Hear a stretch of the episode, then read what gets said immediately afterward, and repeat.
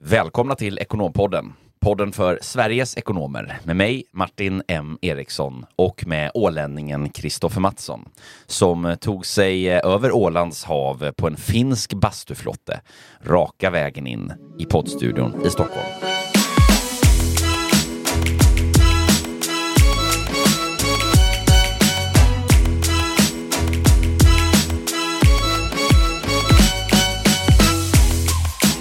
Mig stolt på min finskflaggade bastuflotte. Var la du till den någonstans? Jag la till den i Stadsgården.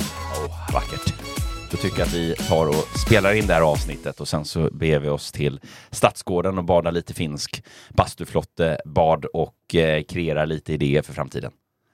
Ja, det där med bastuflotte är ett ganska trevligt koncept och eh, det börjar bli varmare och skönare tider. Snart kan man ju till och med bada i havet utan att bada bastu. Ja, det kan man göra. Eh, apropå det så har du sett eh, serien Limitless? Nej, jag tror inte det. Jag har sett filmen med vad är Robert De Niro och Bradley Cooper om när han, Bradley får det här mirakelpillret och blir superduper smart. Har du något sånt piller i bakfickan till mig så att vi får lite nivå på den här podden? ja, exakt. Nej, men eh, exakt, men det kommer någon film där. Men sen har det ju, släpptes det ju en serie här som går på, eh, eh, på Disney Plus eh, i vart fall. I alla Och en fall, gränslös man. Ja, nej men det är ju eh, Chris Hemsworth som är, de, eh, han är ju på jakt efter att upptäcka hur vi egentligen kan leva bättre och längre och då gör en massa olika typer av ganska extrema experiment eh, för att se på hur man kan förbättra och optimera egentligen kroppens, eh, kroppens ehm, eh, hälsa och välmående. Eh, och jag har precis börjat se på den här serien, sjukt intressant. Då kollade jag på det här som handlade om eh, avsnittet som handlade om kyla och chock. Och det handlar ju egentligen då om att han, de tittar då på, du har ju pratat om kallbada och, och ta kallduschar och sådär. Och just då pratar man om, om hur de här hur kyl, kylchocken på kroppen, vilka då hälsoeffekter det får. Men då testar de också i, i, i den här serien Limitless då, men hur extremt klarar kroppen av egentligen då kyla. Och då bland annat då så eh, surfar de ju i typ två gradigt vatten eh, och simmar också en längre sträcka i det vattnet och sådär. Jättehäftigt. Ja, och, och massa intressanta då olika, det, jag tror det är fem eller sex avsnitt. Eh, något sånt där. Eh, så den kan väl värt att tipsa om. Imponerande också att du kollar på serier. Jag eh, tänkte att du bara var en sån här som läs, läser sudoku och korsord och eh, filosoferar, men du har tid för det också. Ja, för tusan. Ja, du alltså korsord var ju väldigt länge sedan nu. Det där måste jag ta upp igen. Det är hur många år sedan som helst. Sudoku har jag varit väldigt dålig på, det har jag aldrig kört. Men korsord är, alltså det finns nog inget bättre sätt att eh, utveckla sitt ordförråd på än att läsa, lösa korsord. Så är det. Och även då lösa, eh, det är väldigt kul om man, om man vill utveckla sig också på andra språk. Det är ju någonting jag börjat göra. Jag köpte nyligen, när jag var på en eh, flygplats här nere i Frankfurt, eh, så köpte jag ett eh, då korsord, eller två stycken korsordstidningar. Eh, barnkorsord på italienska för att jag vill träna på min italienska. Och sen så köpte jag då eh, korsord på engelska också då. Mm. Eh, för att träna engelskan i lite andra former än vad man är van att prata engelska i. Jag har laddat ner den här appen Duol, Duolingo. Duolingo, ja. ja. Ska lära mig något, något språk, men jag har inte kommit längre än att ladda ner den så här långt. Då, men vi... Ja, det vore roligt det där. Jag blir så jäkla imponerad över människor som har det här anletet för att lära sig väldigt mycket språk. Jag kommer, brukar alltid dra parallellen till en gammal, eller gammal, Petter heter han, är inte så gammal. Han är väl född på 80-talet någon gång. och, nej, men som spe, men jag spelade teater med för många, många år sedan på Åland och eh, han var från landet liksom och sådär och från en liten skärgårdskommun på Åland. Men han pratade alltså åländska då, den här underbara, härliga dialekten som du lyssnar på alldeles just nu. Och eh, eh, finska, ryska, italienska, spanska, franska, mandarin. Jag tror att det var där eh, det slutade. Men alltså, förstår du hur mäktigt det är att kunna byta från ett språk till ett annat och bara prata liksom? Det, det, jag tycker det är häftigt. Ja, det var ju många, många språk på den repertoaren. Ja, men du tar dig runt i, i världen Ja, det med, med, säga. med, de, med de, vad heter de språken. Men, eh, vad har du gjort sen sist? Har du gjort något, något kul eller? Du, det har faktiskt varit eh, lite vår eller vinterdimma här för mig. Jag har jobbat väldigt mycket. Ehm, och eh, ja, fullt, fullt ös har det varit på, på det. Att jag ser väldigt mycket fram emot eh, lite mer skidresor här nu också snart igen. Det blir bär av till Åre här i april med ett eh, gäng entreprenörer, vilket ska bli jätteskoj. Så vi ska iväg några dagar och eh, åka ihop. Så att det ser jag väldigt, väldigt mycket fram emot. Det är ett litet tag kvar till dess. Men mycket spännande som händer här för oss i vår som Mm. vi ser fram emot. Vi, vi har eh, ett, ett kul år framför oss eh, med lite lyftande saker här nu i, eh, i podden. Det kommer ju en treårskrönika snart som eh, vi kommer att släppa i april. Exakt, och förhoppningsvis kan vi bjussa på lite härliga bloopers från eh, de här tre åren som vi har stått och tjatat med varandra i studion och lite annat kul, så att Mm. missa inte det. Och sen har vi ju under vintern här haft, eh, vi har ju jobbat på eh, lite strategi här för, för Ekonompodden framåt och av den anledningen ju glesat ut lite eh, släppen av avsnitt för att hinna med då. Och nu har vi ju verkligen, eh, kan man säga, riggat Till kanonerna. allas lyssnare stora förtret. Ja, exakt. Nu har vi verkligen riggat kanonerna här för att smälla av de här ordentligt under det här året. Men det roligaste av allt är ju när vi kollar på lyssnarstatistiken. Den fortsätter ju att öka trots detta. Det trodde ju inte jag. Jag trodde vi skulle få en liten dipp här. Men eh, nej, icke sa Nicke. Och nu har vi ju då, vi ska upp i samma pace igen då är väl tanken också här under våren. Så att eh, icke misströsta. Det kommer Nej. att bli bra igen. Det kommer det. Men du, innan vi går in på dagens ämne måste jag bara nämna någonting väldigt, väldigt kul som jag gjorde här för ett par veckor sedan. Eh, Jag var på Fotografiska museet och dansade med ett par hörlurar på mig tillsammans med massa andra människor. Silent disco. Ja, har du varit på det någon gång? Nej, men du har ju berättat. Ja, men det, jag har ju sett det konceptet många gånger och tänkt att shit, det där ser väldigt, väldigt roligt ut. Så då var det egentligen då tre stycken olika DJs på scen, där en DJ hade röd färg bakom sig och den andra hade blå och den tredje hade grön färg. Och så var det tre olika kanaler då som du fick på dina hörlurar då som gäst när du kom in på det här diskot. Och då kunde du välja då, jag tror röd var R&B och hiphopmusik och sen hade du lite singalong och så hade du en rockkanal. Och då stod du ju med ditt gäng som du var där med och lyssnade på, ofta då kanske en kanal och så kunde man se ett gäng bredvid som lyssnade på någon annan kanal och dansade till det och då kunde man bli lite nyfiken på att tuna in, men vad lyssnar de där gröningarna på där borta? Men nej, det var fantastiskt eh, roligt koncept. Om jag ska få klaga på någonting eh, så skulle det väl vara att jag hade kanske önskat lite bättre brusreducering och lite bättre hörlurar så att man verkligen kan gå in i sin egen, i sin egen zone. Nu kunde man ju höra alla bröla på, ja, på den singalong-låten som, som kom då. Stod alla och sjöng sen, så det lät ganska knasigt Då- då när liksom- man drog av sig hörlurarna sen och hörde alla fulsjunga. Men då tunar alla in på samma kanal när de här stora dängorna kommer, eller hur funkar det? Ja, många blir väldigt sugna på att göra det när man hör att folk skriker och de, den här låten vill jag också vara med och sjunga till. Så då tunar du in på den kanalen liksom och så kör alla eh, någon, någon sån. Det var 90-talstema då på Ja. den här kvällen. Ja, kul. Att, eh, nej, det var väldigt, väldigt kul. Så det, det slår ett slag för om man har vägarna förbi. Ja, på tal om 90-talet och då kanske 90-talister och 90-talskris så har vi ju mycket nu stundande i den här tiden. Nu har vi väl eh, kanske ingen 90-talskris och vi är inte bara 90-talister heller. Och jag blir ju faktiskt 30 år i sommar. Jag blir eh, i 29 juli. Tänk att dagen. allting alltid ska handla om dig, Ja men du vet, när du pratar om 90-talet då är ju, det är ju jag. 1994, vilket år? Smaka på det bara. Ja, ja. Och jag säger ju det som jag är som är född då eh, november, slutet på november 89. Så brukar jag alltid säga det, men jag är född 89. Jag har upplevt det glada 80-talet. Det du! Hela 41 dagar. Ja, det är alltid något att skryta med. Eh, men apropå det så... Det eh, kan man lägga på CV, apropå. Det skulle man kunna göra. Får dock inte, ja, i prioriteringsordningen kanske inte riktigt plats då, men, men så är det. Eh, men i alla fall, vi eh, har ju en, eh, en minst sagt eh, intressant tid. Vi får ju en del, har fått en del lyssnarfrågor, därav egentligen det här avsnittet idag eh, som vi tänkte ta eh, Ja, på exakt, temat det- just, men hur, hur ska man navigera i den här tydliga tiden av förändring och lite kreativa idéer, hur man kan tänka lite nytt. Det är ju det vi har fått ett par olika frågeställningar på. Ja, Exakt, vi har ju berört det här, det var ganska länge sedan, det var nog under vårt första år och egentligen när pandemin gasades på, det var många som blev tvungna att gå ut och söka jobb och man kanske inte hade gjort det på väldigt, väldigt länge. Ganska många blev varslade och så skulle du dessutom göra det i ett digitalt landskap. Så då var det ju alltifrån tips om hur ska du kolla in eh, i kameran, i linsen på kameran när du har en, en intervju och inte kolla liksom på skärmen eller på några andra dokument och den här klassiska då kanske inte sitta med badrock och käka äpple i intervjun och vad kan man göra för att bara liksom lägga en bok eller höja upp datorn och sådär. Det är de bästa förutsättningarna för det. Men vi tänkte köra en liten spin-off på det och komma med lite tips och sådär. För precis som du säger, det har kommit in väldigt mycket frågor om det här och jag hör ju också bara när jag umgås med många av mina vänner privat att det är, man hör väldigt mycket omstruktureringar, det är väldigt mycket olika initiativ som dyker upp i alla organisationer och jag menar en omstrukturering och man ändå blir tvungen att skapa kontakt med nya människor och så vidare. Din roll kommer att förändras. Men det kan ju vara en god tidpunkt att faktiskt se sig omkring och göra lite due diligence på sitt liv och sin karriär och sådär, vilket vi båda är rörande överens om att det är någonting man behöver göra med, med jämna mellanrum. Och så har vi förstås de makroekonomiska trenderna som ju är kanske många gånger anledningen av att det också blir omstruktureringar. Mm.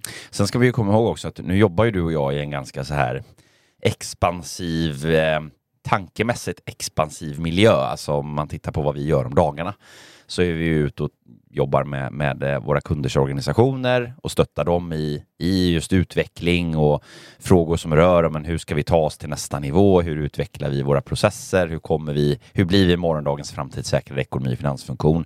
Samma sätt när vi pratar med konsulter eller, eller kandidater i processer så är det liksom samma typer av, utav diskussioner. Så det här gör ju vi till vardags. Vi pratar i podden, då berör vi olika typer av trendspaningar och ämnen som hela tiden är relevanta. Men för, för många enskilda ekonomer så är ju, består egentligen dagarna till, till fokus på sin kärnroll. Och den är ju kanske i, i regel för en ekonom inte alltid sådär präglad av bara utvecklingstänk, utan den är ju ganska mycket präglad av att vara duktig och specialiserad på kanske ett, ett ämnesområde eller en viss typ av eh, sakfrågor som, som man just håller på med om dagarna. Det är en väldigt god poäng och då kan det ju kanske vi får ju de här frågorna också för att vi av den anledningen kanske. exakt är i den här miljön. Jag menar mångas verklighet, kanske majoriteten av mångas verklighet är ju att man har kanske suttit i en och samma linjeroll kanske i fem eller tio år och det är liksom den verklighet som man lever i och då kan ju det här vara ganska intressant också att men inte bara det, jag är faktiskt motiverad längre att göra det här nu. Jag har suttit och, och jobbat i de här processerna i x antal år. Har jag den drivkraften inifrån? Tycker jag att det är lika roligt som jag tyckte när jag kom in? Eller, eller ja, behöver jag hitta på någonting annat? Men också då, vad finns det att hitta på? Just det där, men hur kan man tänka sig att på vilka sätt och vilka vilka principer eller tillvägagångssätt eller metoder kan man tillämpa för att lyfta blicken lite grann eh, och titta på möjligheter? Det ska vi djupdyka på idag. Möjligheternas man, jag brukar kalla det för metaforernas man. Men eh, du nämnde det här med att hitta möjligheterna, eller se möjligheterna och det är ju faktiskt väldigt, väldigt bra. Det här har vi också tjatat om ganska mycket. Alltså när det blir när det blir någonting, oberoende vad som dyker upp, så du kan ju alltid välja att se det på två olika sätt. Hur, hur ska man gräva ner sig och kanske ibland till och med tycka synd om sig själv, eller hur kan man faktiskt vända på det och hitta någonting fint eller någon möjlighet ur någonting annat. Efter regn kommer solsken är ju en härlig klyscha. Ja, det låter snarare som att det är du som är metaforernas man här, Kristoffer. Eller klyschornas eh, nya man kanske jag ska kalla dig. Ja, och inledningsvis diskuterade vi ju de trenderna och kanske anledningarna till att det sker mycket. Men eh, vi har ju fått också eh, mycket frågor. Ja, men bara så här, vad, vad ska jag tänka på? När är det rätt tidpunkt att kanske söka sig vidare? Varför? Hur? Och det, det, det bubblar ju väldigt, väldigt mycket. Ja, det gör det. Och så här, bakgrunden och drivarna kanske till att, till att det gör det. Men vi var ju lite inne på det förut just att men, det är ju väldigt lätt att hamna i sina vanliga hjulspår. Man, man blir liksom någonstans i den miljön där man är eh, och präglas av detta såklart. Eh, det är eh, också, tänker jag, en del människor upplever ju också en, en stress och en, en, osäkerhet att man hamnar i forcerade lägen, att det kanske inte alltid är självvalt att man hamnar i en situation att man då behöver liksom fundera på, okej, okay, men vad är mitt nästa steg eller vad ska ja, jag göra näst? och eh, arbetsbelastning, jag menar man arbetar väldigt mycket eller man har mycket annat som stressar en och kanske inte det första man tänker på att nu ska jag sätta mig ner och skriva ett nytt CV till exempel. Nej, nej men verkligen så. Och den stressen som jag ser nu, många är ju, och det här kanske, ja, det beror lite på vad exakt man har för inriktning och sådär, men just så men eh, Ehm, lite småstressande över med vilken typ av roller finns det och eh, jag var på ett möte igår i Göteborg. Eh, jag träffade en av våra kunder där nere, ett, ett finansbolag och det tror ju alla är väl medvetna om att i Stockholm som är Sveriges finansmecka, det är här alla de här tjänsterna då finns och i Göteborg då växer de ju verkligen inte på träd. Eh, så har man huvudkontor i Göteborg och liksom man sätter huvudkontorsfunktionerna eller som kärnfunktionerna så att säga i de här bolagen eh, i, i, eh, i, i en sån, sån stad som då inte är Stockholm, spelar ingen roll vilken stad det är, så, så eh, är det ju både svårt att attrahera kompetens, för det kanske inte finns så mycket, men också för de som jobbar på ett sånt bolag så blir det ju begränsat i form av vilka möjligheter finns då i den här stan om jag skulle vilja söka mig vidare. Så kan det vara för en del, en del också, framförallt de som kanske inte ens bor kvar i Stockholm. Det kan man ju också se många som har under covid flyttat ut från, från den här stan och eh, men bosatt sig på andra orter efter att man då efter att man då möjliggjorde det här med att man kanske jobbar lite med distans och sådär. Nu har ju det gått tre år, så nu kanske det är dags att ta sig vidare igen. Vad gör man då om man bor i Sundsvall till exempel? Precis, ja men verkligen och titta på krim, kring krang, kramskommunerna. Krimskramskommunerna! Nej men, var, ditt, din kommun, var bor du? Ja. Vad har du i, i närområdet? Och jag menar, vi pratade om det här för länge, länge sedan också. Eh, globalt, vad finns det för möjligheter? Vi konkurrerar ju på ett helt annat sätt även internationellt eh, idag. Men också då det som vi har pratat om tidigare, det här med att titelförvirringen och begreppsförvirringen ja, över vad är, man alltså, faktiskt ska jobba med. Den är så tradig. Jag tycker det är lite tragiskt att den är så omfattande. Det är väldigt mycket titelinflation. Det är det och eh, någonstans då kan man väl titel. tratta ner. Varför sa jag, varför sa jag titel? Titel heter det ju, jag är göteborgare. Ja. ja, men då kan man väl tratta ner det här till och börja kartlägga och utgå från dig själv någonstans. Och någonting som jag skulle vilja skicka med är ju faktiskt att kolla på det här värderingsmässiga och det låter ju klyschigt och det låter ju kanske lite upprepande och, och sådär och kanske folk har haft svårt att ta till sig det men just att vi brukar ju alltid ge det här tipset, okej okay, men här har vi en organisation som jag tycker gör spännande saker eller som har, verkar ha en härlig kultur som jag skulle kunna stå inför. Använd ditt nätverk och prata med personer i och runt den och kanske utgå från vad du kan och vad du är duktig på och vad som faktiskt linjerar med hur du vill jobba, i vilken typ av organisation som du skulle vilja kunna stå bakom. För att det där kommer bli så viktigt när eh, ja, men, självledarskapet och hitta ditt why, meningsfullheten, det bara blir viktigare och viktigare och exakt det du har gjort tidigare på ditt CV, dina erfarenheter kanske kommer att suddas ut om något och man kommer fokusera mer på inställning och ambition och drivkrafter. Mm. Nej men verkligen. Och, och det här med nyfikenhet också, jag, jag tänker präglas lite grann av det här med, med eh, så som många idag är ju, om man är lite mer senior, då kanske man har lyckan och eh, fördelen av att man har byggt upp sig ett nätverk av folk, eh, alltså gamla tidigare kollegor eller chefer eller liksom, eh, professionellt bekanta eh, eller personliga vänner som, som på något sätt rör sig i samma, samma liksom, eh, sfär som man själv och på så sätt då har ett nätverk och kan naturligt sett ta luncher med folk och, och fundera på vad, vad kan tänkas vara nästa steg för mig. Men sen tänker jag på de som då kanske inte har det heller om man är det kan vara att man är ny i en viss marknad eller en ny sektor eller ny på en ort till exempel. Men just det här med att inte rädas att själv ta kontakt med människor eh, och bjuda ut dem på en lunch i syfte att då bygga en relation eller fråga men hur är det att jobba i den här rollen på det här bolaget? Det vet jag att jag, att jag själv har initierat eh, det tipset till många juniorer, alltså sagt det till folk som är liksom i slutet av sina studier, men om du är nyfiken på på hur en riktning är det här, alltså hur att jobba i den här riktningen. Men kolla då någon som har gått samma utbildning som du har, som har tagit jobb på det här bolaget och varit där i tre år. Hör av dig till den personen och bjud den på lunch. Eh, och inte bara med att du får en jätteintressant beskrivning av hur det är att jobba i den här rollen på det här bolaget, så får du dessutom någon på insidan av det här bolaget som kan lägga ett gott ord för dig. Ja, kanske det viktigaste jag skulle vilja nämna är ju att man kan ju bli så pass inspirerad av det initiativet, bara att någon skriver, men jag har följt ditt arbete, jag jag har gjort ett business case, men jag är business controller och jag har gjort ett business case över hur ni ska kunna driva er försäljning och öka upp den med 150 procent. Skicka det mejlet till CFO på det bolaget och du har 100 procent en anställningsintervju. Alla dagar i veckan. Men det hände ju, det hände ju dig häromdagen. Ja men exakt och faktum är att det har skett ett par gånger under de här åren när vi har drivit podden nu och, och även då inom ramen för det vi gör i bolaget. Det är ju fantastiskt kul och har fått förfrågningar, men eh, Eh, vi har följt ditt jobb och vi tycker att det ni gör är spännande och eh, jag har fått några sådana förfrågningar på LinkedIn och man blir ju direkt så smickrad men också inspirerad och man känner liksom det här är en person som, som jag skulle vilja jobba med och man blir nästan, även om man inte har en, en tjänst eller ett behov kanske här och nu så vill man ju nästan snickra ihop det och försöka anpassa det utefter bara för att man gillar det initiativet. Så att det är extremt mycket starkare än vad man tror. Och bara generellt att vara lite mer kreativ i ditt sätt att approchera bolag eller personer. Gör inte som alla andra. Jag hade faktiskt den här diskussionen med en av mina mäklarkompisar också. Mm, jag tror att det är inte bara jag som är trött på alla de här fruktansvärt tråkiga visitkort, eller visitkorten heter det inte ens, vykorten som man får i A5, brevlådan. A5, eh, A5 Ja, så det är bild på någon... Nej, vad blir det? Förlåt. A,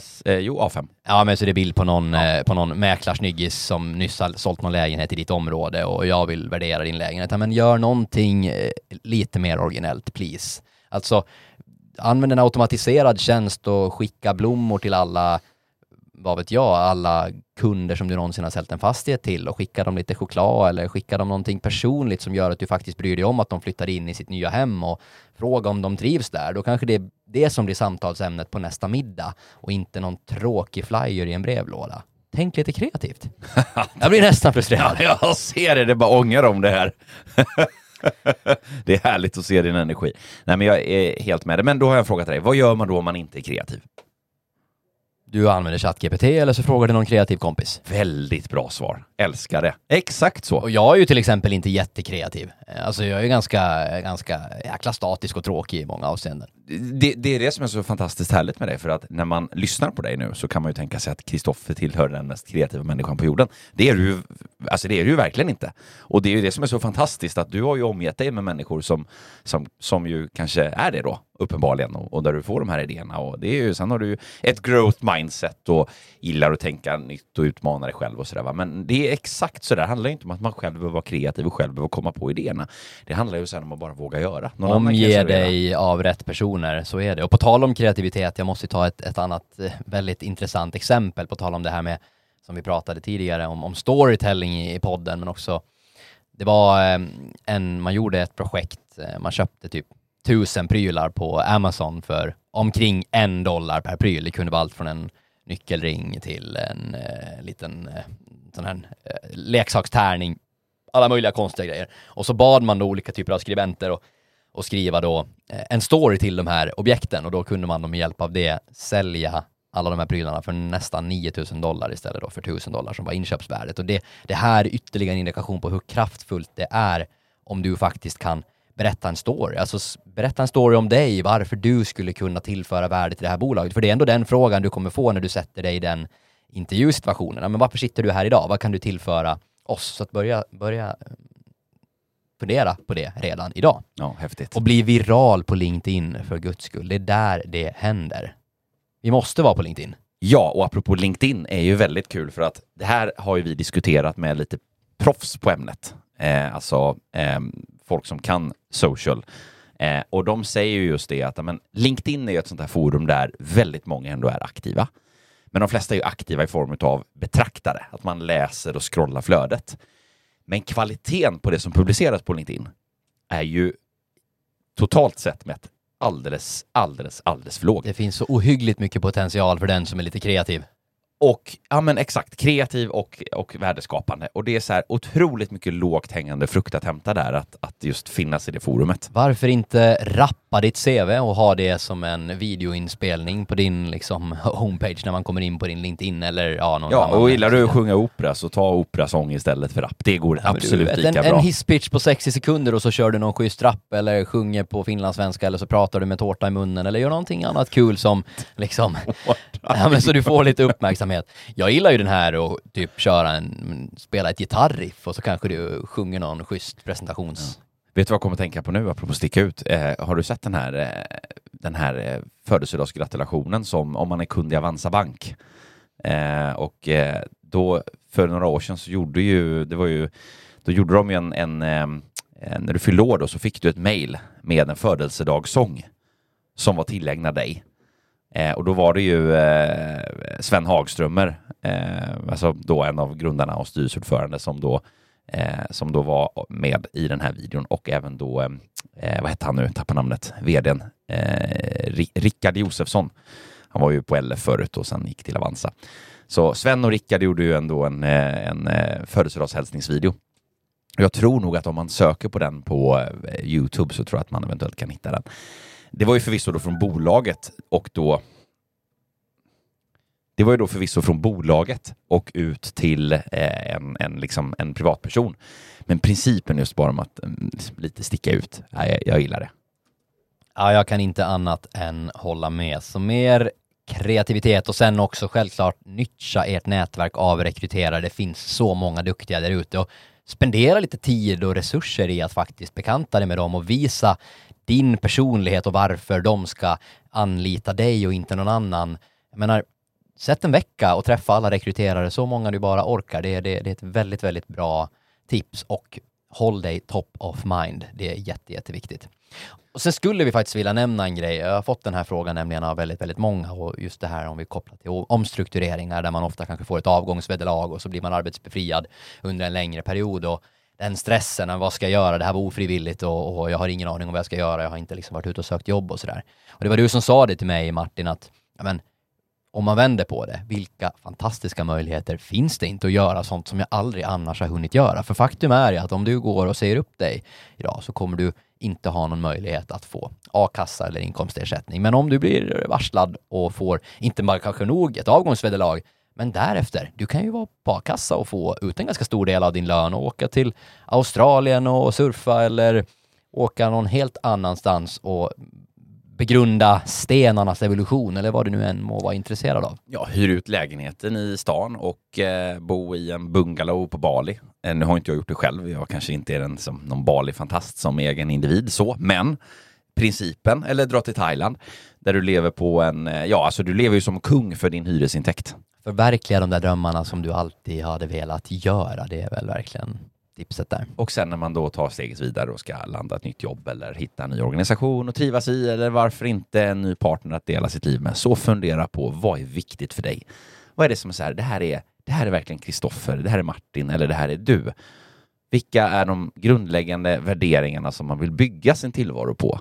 Och se till att de lirar jäkligt, jäkligt bra. Då har man förutsättningar också. Och om det är ingen annan som gör det eller om inte det finns att tillgå ute på marknaden så gör det själv. Starta eget. Ja, Bli konsult. Det är ingen dum idé. Då kan man höra av sig till dig och mig och bolla om hur man kan förverkliga konsultdrömmen. Där har vi ju en del spännande att komma med framöver. Det har vi, eh, sannerligen. Men nu är det dags att avrunda för den här gången och eh, vi hörs snart igen. Ha det gott! Hej! Hej!